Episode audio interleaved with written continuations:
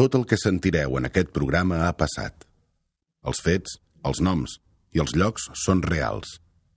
Alguns diàlegs estan dramatitzats, però el seu contingut consta en documents o surt de testimonis que eren al lloc dels fets. En algunes descripcions, aquest programa podria ferir sensibilitats. Relatem crims reals. La realitat i la mort no entenen de sensibilitats. En el capítol anterior... El 15 de desembre del 1992, pocs minuts després de mitjanit, Pedro Álvarez, un noi de 20 anys, i la seva xicota, la Yolanda, tornaven caminant a casa d'ella a l'Hospitalet. Discutien, i ella va creuar el carrer sense mirar. Un cotxe model Opel Vectra blanc va estar a punt d'atropellar-la. El conductor va increpar la Yolanda i es va iniciar una discussió. El conductor va sortir del cotxe i li va donar una bufetada que la va fer caure al terra. El Pedro va anar ajudar-la i la discussió amb el conductor va arribar a les mans. Quan la Yolanda va poder aixecar el cap de terra, va veure com el conductor apuntava amb una pistola al cap de Pedro i el disparava. Segons més tard, tornava a entrar al cotxe i fugia a tota velocitat. A partir de la descripció de la Yolanda, la policia va elaborar un perfil de l'agressor i en aproximadament 38 hores la policia detenia a José Manuel Segovia com a presumpte culpable.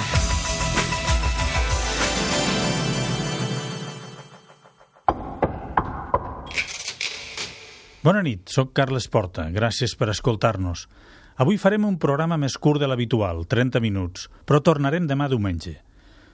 Situem-nos al 17 de desembre del 92, dos dies després del crim, quan la Yolanda acabava d'entrar en una sala per participar en una roda de reconeixement.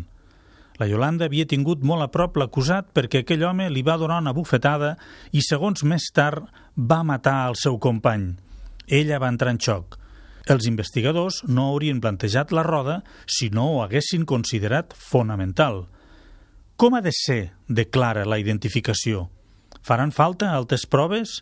Es podrà posar llum a la foscor? Comencem. If you are the dealer, I'm out of the game. If you are the healer, means I'm broken and lame. If thine is the glory, then mine must be the shame. You want it darker. We kill the flame. Crims. Per què matem? Vilified, crucified in the human frame. A million candles burning for the help that never came. You want it darker.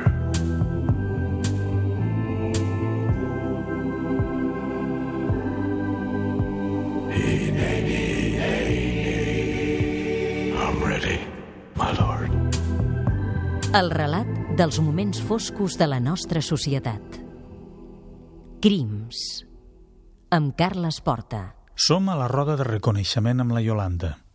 Hi ha cinc persones a la sala que aguanten un número de l'1 al 5 cadascuna. Els que tenen els números 1, 2, 3 i 5 són policies en actiu que reuneixen les característiques físiques que la Yolanda va explicar. El número 4 és l'acusat, que, recordem-ho, també és policia, però en aquell moment ja està detingut. La Yolanda no ho sap. L'acte que es va escriure per deixar constància de la roda de reconeixement diu això. Comparece la testigo Yolanda a la vista de las personas ante ella presentadas y manifiesta. Descarta en primer lugar la persona colocada en primer lugar de izquierda a derecha porque es bajo. A continuación descarta la persona situada en quinto lugar siempre de izquierda a derecha porque es muy gordo. A continuación, y respecto al número 3, apunta que la nariz no era tan afilada. Cree que es el número 4 por la expresión de su cara y porque se le notaba muy nervioso en la rueda. Puestos de perfil, a petición de la testigo, esta manifiesta que el número 3 y el número 4 se parecen de perfil. El pelo de quien le pegó era rizado, por tanto tampoco es el número 2. Cree que es el número 4. Solicita que vuelvan a la posición inicial y dice textualmente, el número 2 también, el 2, el 3 y el 4 también pueden ser. Preguntada por cuál podría ser, el 2, el 3 o el 4, no ha contestado. La testigo que ha iniciado el reconocimiento de forma aparentemente tranquila, al final de la misma, cuando ha intentado el proceso mental de volver a colocarse en la situación en la que fue agredida, se ha puesto visiblemente nerviosa, respirando incluso agitadamente. Inicialment ha assenyalat el 4, que era l'acusat, però després ha dubtat. Són normals els dubtes? Ho hem preguntat a una persona que porta 27 anys fent rodes de reconeixement, el magistrat Francisco González Maillo, del jutjat d'instrucció 11 de Barcelona. También hay que ver la, la credibilidad del testigo y entonces ahí pues tiene mucha importancia el ver si si lo reconoce inmediatamente, si duda antes de reconocerle, si muestra una seguridad completa y eso junto a otros elementos que tenemos generalmente en la causa, eh, pues, pues nos pueden llevar a, a, primero a fijar una medida cautelar que pudiera ser la prisión en casos de un delito grave o posteriormente pues va a ser muy importante a la hora de dictar la sentencia por el, por el juez de lo penal o la audiencia que le corresponda. ¿Qué se le pregunta a la víctima? Pues mire, yo normalmente le pregunto, eh, estos señores, no, estas personas que están allá, usted no le ven, tiene un espejo delante, tiene que estar usted tranquila, eh, se puede poner cerca, puede hacer que se pongan de pie, que, que se giren, y se le pregunta si, si está en el grupo, y suponiendo que estuviera en el grupo, pues que nos diga cuál es, que nos diga el número que tiene encima. Y si lo reconoce, pues le preguntamos el grado de seguridad de, esa, de ese reconocimiento. Esto depende, hay testigos que inmediatamente reconocen a, a quién es, dicen sí, sí, completamente seguro, hay otros que dudan y finalmente pues dicen uno. Entonces también hay una, claro, tiene que valorarse el desarrollo de esa diligencia. No es lo mismo alguien que inmediatamente señala al autor y, es el autor, a otras personas que, que, tardan mucho en decidirse o dudan entre el 2 y el 3, entonces eso ya tiene, yo creo que no tiene valor. O sea, hay testigos y esto también es una cuestión humana, no y yo creo que también hay personas, también esto a veces lo vemos, que igual por la razón que sea, pues entran, miran al autor y luego dicen que no está. Eh, también puede darse esa situación, eh, por, igual por temor, no es muy corriente, pero puede darse también. Pero hay gente que reconoce inmediatamente y otros que son más dubitativos. Pues el 2, el 3, en fin, hay más. Ahí hay, es un poco, entre comillas, la calidad del testigo, ¿eh? ya por su propia capacidad de memoria o, en fin, o por, por, por, por, sus propios miedos de no, de no, de no verse comprometido en, en, reconocer a determinada persona. También lo que ocurre es que, claro, a veces, eh, bueno, pues supongo que todos nos podemos ver en una situación en la que no es fácil, ¿eh? no es fácil en algo que ha ocurrido en determinadas circunstancias, con no mucha luz, rápido, y claro, si ha sufrido un hecho delictivo, pues también por la propia, ¿no? la propia situación de ser víctima de un hecho. És muy, és muy, en fin, és muy variable la situació. Els humans dubtem.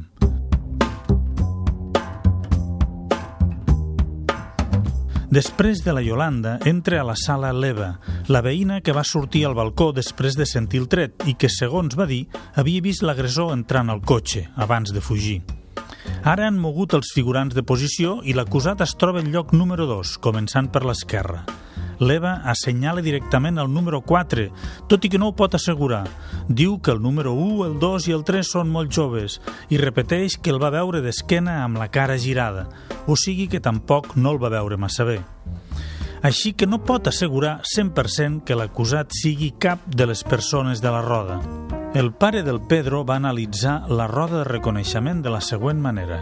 Una rueda de reconocimiento a una persona joven, Y entonces, eh, cuando empezó, se inició la rueda de reconocimiento, lo primero que hace es marcar al individuo en cuestión. El individuo en cuestión queda marcado. Se empezaron a decirle hasta que llegó un momento que todos eran iguales. ¿Estás segura? ¿Estás segura? ¿Estás segura? Y entonces llega un momento en que, claro, cuando te empieza a decir uno por aquí, estás segura, el otro por el otro lado, estás segura, te atosigan. Nosotros hemos pedido con insistencia que se volviera a hacer una rueda de reconocimiento porque aquella rueda para nosotros no era válida no era válida por las circunstancias en que se produjo, el momento en que se produjo i tot el que rodeava esa rueda de, de reconeixement. La Yolanda en un principi ha assenyalat l'acusat, però després ha dubtat i ha dit que gairebé podria ser qualsevol dels que eren a la sala. La Yolanda és l'única persona que va veure realment bé la cara del conductor, més enllà de la dona que anava de copilot. Aquest home li va donar una bufetada, això vol dir que van estar molt a prop. És possible oblidar una cara que has tingut tan a prop? L'Eva, que va veure l'escena des del balcó de casa, sembla que va veure algú més jove i per això els descarta. Recordem que l'Eva sempre diu que el va veure d'esquena i només es va girar un moment per entrar al cotxe. Però la roda de reconeixement no s'acaba aquí. Es demana a la Yolanda que faci una prova de reconeixement de la veu. En aquest cas, el presumpte acusat se situa en la posició número 3. Hi ha cinc homes que diran de diferents maneres les frases que es van dir la nit dels fets. Comencem amb la frase Tu estàs loca. Tú estás loca. Tú estás loca. Tú estás loca. Tú estás loca. Tú estás loca. La Yolanda no n'ha reconegut cap com a definitiva. Tornen a fer la prova. Aquest cop l'acusat se situa el número 5. Demanen que la frase de tu estàs loca es llegeixi sense aixecar la veu i amb un to fred, només llegint. Ho repeteixen i la Yolanda diu que la número 4 és la que més s'hi assembla i que la 5 no s'hi assembla gens. Aquest exercici mareja una mica. Doncs imagineu-vos la tensió que tindríeu si recau sobre vosaltres la responsabilitat d'assenyalar algú que ha disparat un tret al cap al vostre company i l'has de reconèixer a partir d'una sola frase. I ho tornen a fer. Ara l'acusat se situa al número 3. Han de dir dues vegades una paraula. Hòstia, hòstia. Sobre aquesta ronda, la Yolanda diu que les veus número 1 i número 4 són les que més s'hi assemblen. La número 5 diu que sembla que forcés la veu, però no senyala el número 3, que és l'home detingut. No n'ha encertat ni una. Segons el que van deixar escrit en l'acte de la roda de reconeixement, la prova es va fer sense cridar, quan probablement la nit dels fets tothom cridava. És un exercici realment complicat. Vosaltres seríeu capaços de reconèixer dos dies després una veu que només heu sentit durant uns segons i en una situació estressant? Jo no ho sé. En fi, que tanquen la roda de reconeixement sense una resposta concloent. La policia ha de continuar amb la investigació. En l'anterior episodi vam explicar que la policia havia entrat a casa del presumpte culpable i havia requisat una sèrie de coses, entre elles un revòlver, diverses fundes de pistola i moltes capses de munició. A més, han requisat el cotxe del conductor, el famós Opel Vectra blanc, i buscaran tota mena d'empremtes han confirmat que té un aleró a la part del darrere, element que coincideix amb el que va dir la Yolanda en la seva segona declaració. I també hi han trobat unes ulleres amb la muntura de nacre de color marró. La Yolanda també va dir que l'agressor portava ulleres. El cotxe queda a disposició judicial per si se li ha de practicar alguna prova més. Recapitulem. Lídia Oriols, bona nit. Bona nit, Carles. La Lídia en recorda els elements que la policia ha requisat al conductor després d'escorcollar a casa seva la seva taquilla de la comissaria i el vehicle Opel Vectra. Els objectes confiscats són una camisa blanca, una camisa blau cel, dos pantalons de tergal de fibra sintètica, dues ulleres graduades, quatre fundes de revòlver, quatre fundes de pistola per portar els turmells, un revòlver marca Astra enviat a balística, una màscara, si us recordeu la de gas que van trobar al pis, una agenda de color vermell, una caixa marró de plàstic amb instruments per netejar armes, un manual d'una pistola Star PK i una pistola model Star PK que van requisar la comissaria enviada també a balística. Teòricament, aquesta era l'arma oficial. De les coses que hem llistat, les que ens haurien de cridar l'atenció són dos. La camisa blanca, com a mínim una peça de roba de color blanc, que segons l'Eva era d'aquest color, i segons la Yolanda l'agressor portava un jersei també blanc. La discrepància està amb si era una camisa o un jersei, però era blanc. I, la segona cosa, les ulleres graduades, perquè, com hem anat recordant, una cosa que tenia molt clar la Yolanda és que l'agressor portava ulleres. El Pedro el va matar una bala del calibre 9 mm Parabellum i per tot plegat, els investigadors van creure de seguida que l'autor era un membre dels cossos de seguretat. El detingut és policia i, segons els mateixos investigadors, el seu aspecte coincideix extraordinàriament amb la descripció feta pels testimonis. De moment, continua detingut mentre es fan les proves de balística. S'ha enviat als especialistes la bala i la veina que es van trobar al lloc dels fets i esperen els resultats per determinar si la bala va sortir de la pistola reglamentària del conductor o d'alguna que tingués al seu abast. Si us sembla, mentre la policia espera els resultats, intentarem saber més coses sobre l'acusat. José Manuel Segovia va ser detingut el dia 16 de desembre de 1992 a les 3 i 15 minuts de la tarda.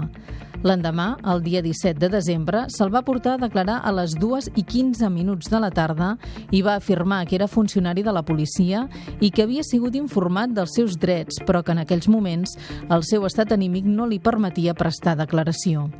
Hores més tard es feia la roda de reconeixement i l'endemà el detingut feia la seva declaració. Sentim què va dir. Esa tarde tenía que hacer un par de entrevistas de trabajo a unas chicas en el despacho que tengo en la calle Alpes. Tenía que hacer dos y debí llegar pasadas las seis. Entonces llamó a mi hermana para decirme que mi madre estaba enferma y que la llevaban al hospital. Acabé las entrevistas y me dirigí hacia la residencia Príncipes de España, al departamento de urgencias. Cuando llegué me comunicaron que se encontraba en el apartado no- número 10. Eso sería sobre las 9.15 o 9.25 de la noche y localicé a mi madre que estaba con mis dos hermanas. ¿Quiere beber agua? No. Después ya ingresaron a mi madre en una habitación y nos marchamos todos. Después llegó mi hermana Rosa, que también quiso quedarse. Nos despedimos y nos fuimos. ¿Y qué hizo después? Me fui directamente a casa, me cambié de ropa, me puse el pijama, me comí un bocadillo y me metí en la cama. ¿Recuerda cómo iba vestido? Con una cazadora de ante verde, creo, una Parks, un pantalón verde oscuro, camisa de cuadros celeste, una corbata, hay zapatos, zapatos negros con cordones. ¿Lleva gafas? Sí, pero solo para conducir. Las dejo en el coche. A veces llevo al trabajo un par de las dos que tengo, son de pasta grandes, con los cristales claros de los que se oscurecen con la luz. ¿Tiene un carácter violento? No, quizás soy algo nervioso y, y frío. ¿Usa jerseys? No, no me gustan. Pero tengo uno color celeste y otro de color marrón. El día 14 salió de su casa con el arma reglamentaria. No, nunca llevo armas. Mi arma estuvo siempre en la taquilla en mi trabajo. ¿Su arma reglamentaria ha sido disparada recientemente? No, mi arma reglamentaria no ha sido disparada desde hace al menos seis u ocho meses. ¿Y tiene alguna otra arma además de la reglamentaria? Sí, tengo un revólver 38 especial en casa. La tenencia es legal, pero no la saco nunca. La compré cuando ingresé en la policía en 1976. ¿Y cómo se explica usted que un coche Opel Vectra blanco, con números de matrícula coincidentes con los suyos, se viera involucrado en el hecho por el que se inició este sumario? No me lo explico. Yo no conducía el coche a esas horas. Lo dejé aparcado enfrente de mi casa y cuando desperté continuaba allí. ¿Sale habitualmente por la noche? A veces salgo a tomar una copa, llego sobre las doce, las doce y media, tal vez la una. ¿Tiene usted una relación extraconyugal? Tuve una hace tiempo, pero la considero una anécdota en mi matrimonio. Mi matrimonio está bien. ¿No es cierto que tuvo un accidente estando a punto de atropellar a una chica bajándose del coche y disparando el arma? No, no, no. Yo no he realizado ninguno de los hechos que se me imputan. ¿Y cómo explica el hecho de que coincidan los datos de su vehículo, color, marca y modelo? No me lo explico. Es imposible. La jutgessa Maria José Magaldi Paternostro ordenava presó sense fiança i ho feia amb una interlocutòria molt clara.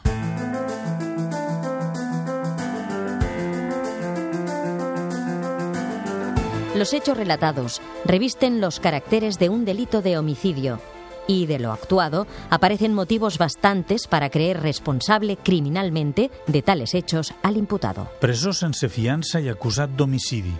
La declaració va ser molt llarga i se li van demanar tot tipus de coses i anirem tornant quan sigui necessari per veure què va dir.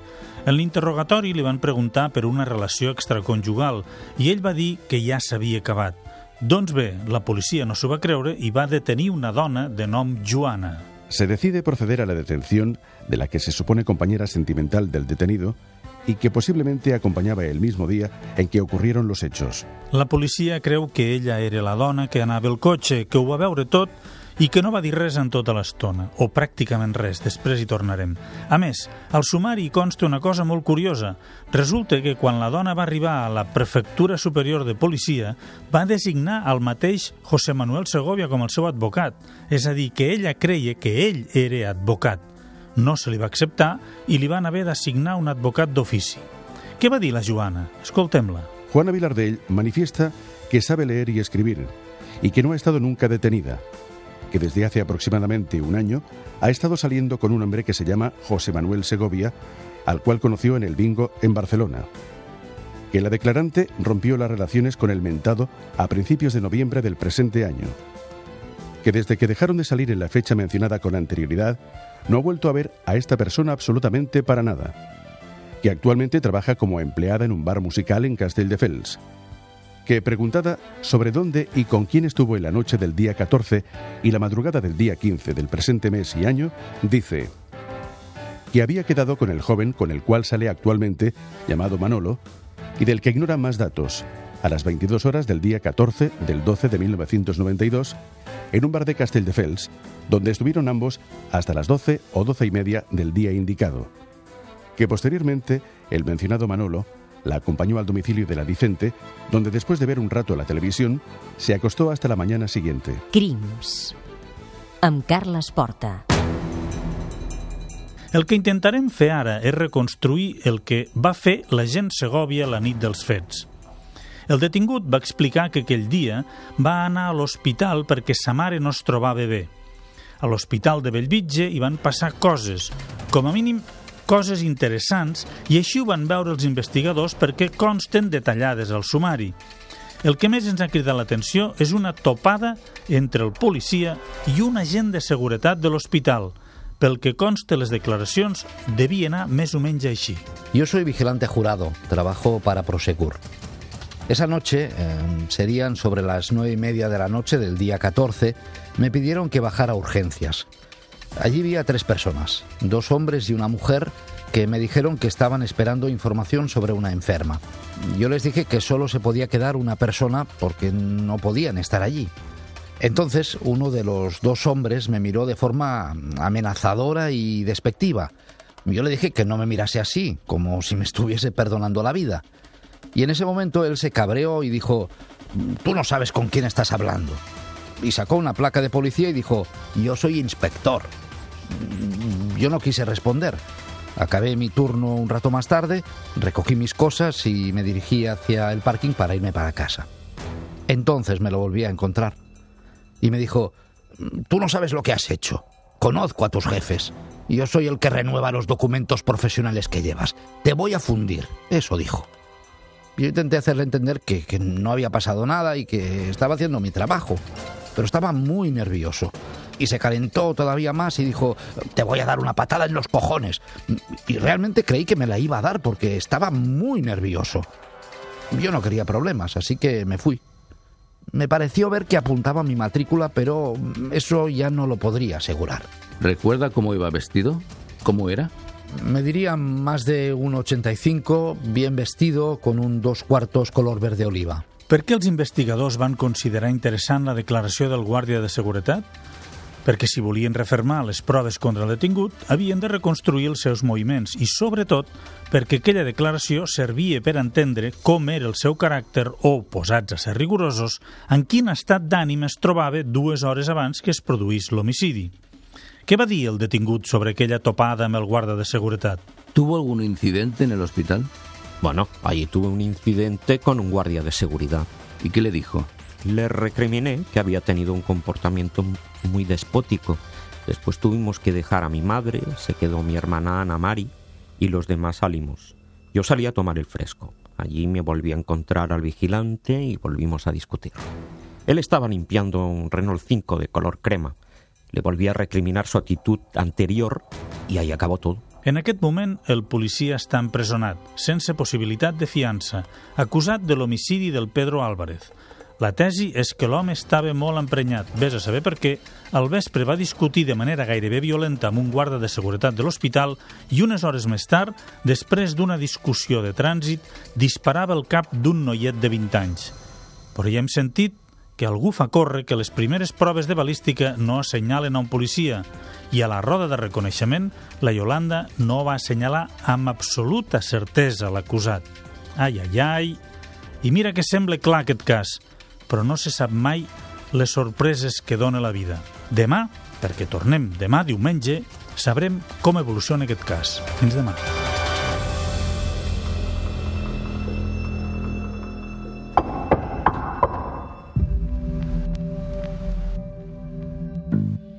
Crims. Muntatge musical Rosa Silloé. Documentació, guió i entrevistes Lídia Oriols. Guió Laia Foguet. Adaptació Direcció artística i veus Dolors Martínez. Narració, guió i direcció Carles Porta. Amb les veus de Catalunya Ràdio, Àlex Robles, Adolf Altran, Benja Estacio i Carles Dabó. I was walking down the street the other day trying to distract myself, but then I see your face. Oh, wait, that's someone else. Oh, trying to play a coy, trying to make it disappear. But just like the Battle of Troy, there's nothing subtle here. In my room, there's a king size space, bigger than it used to be. If you want, you can rent that place. Call me an amenity. I, I. Even if it's in my dreams, huh?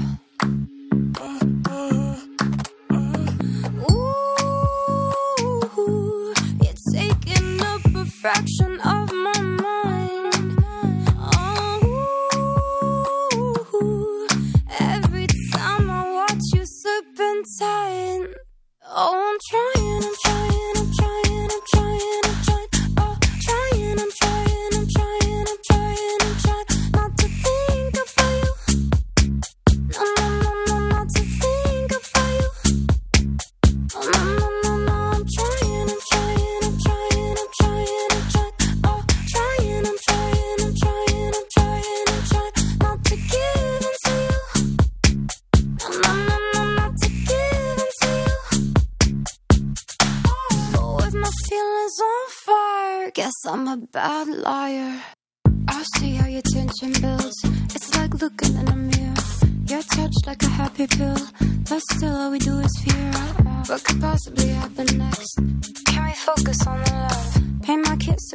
precious. If you're the art, I'll be the brush. Ooh,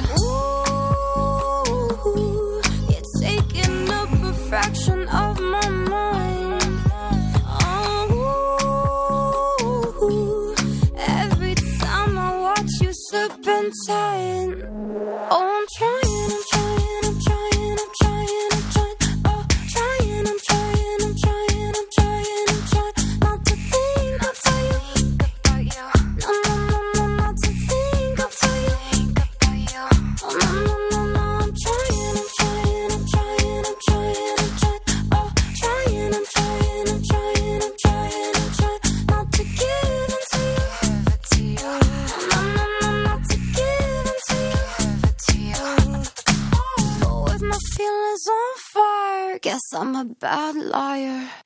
And oh, baby, let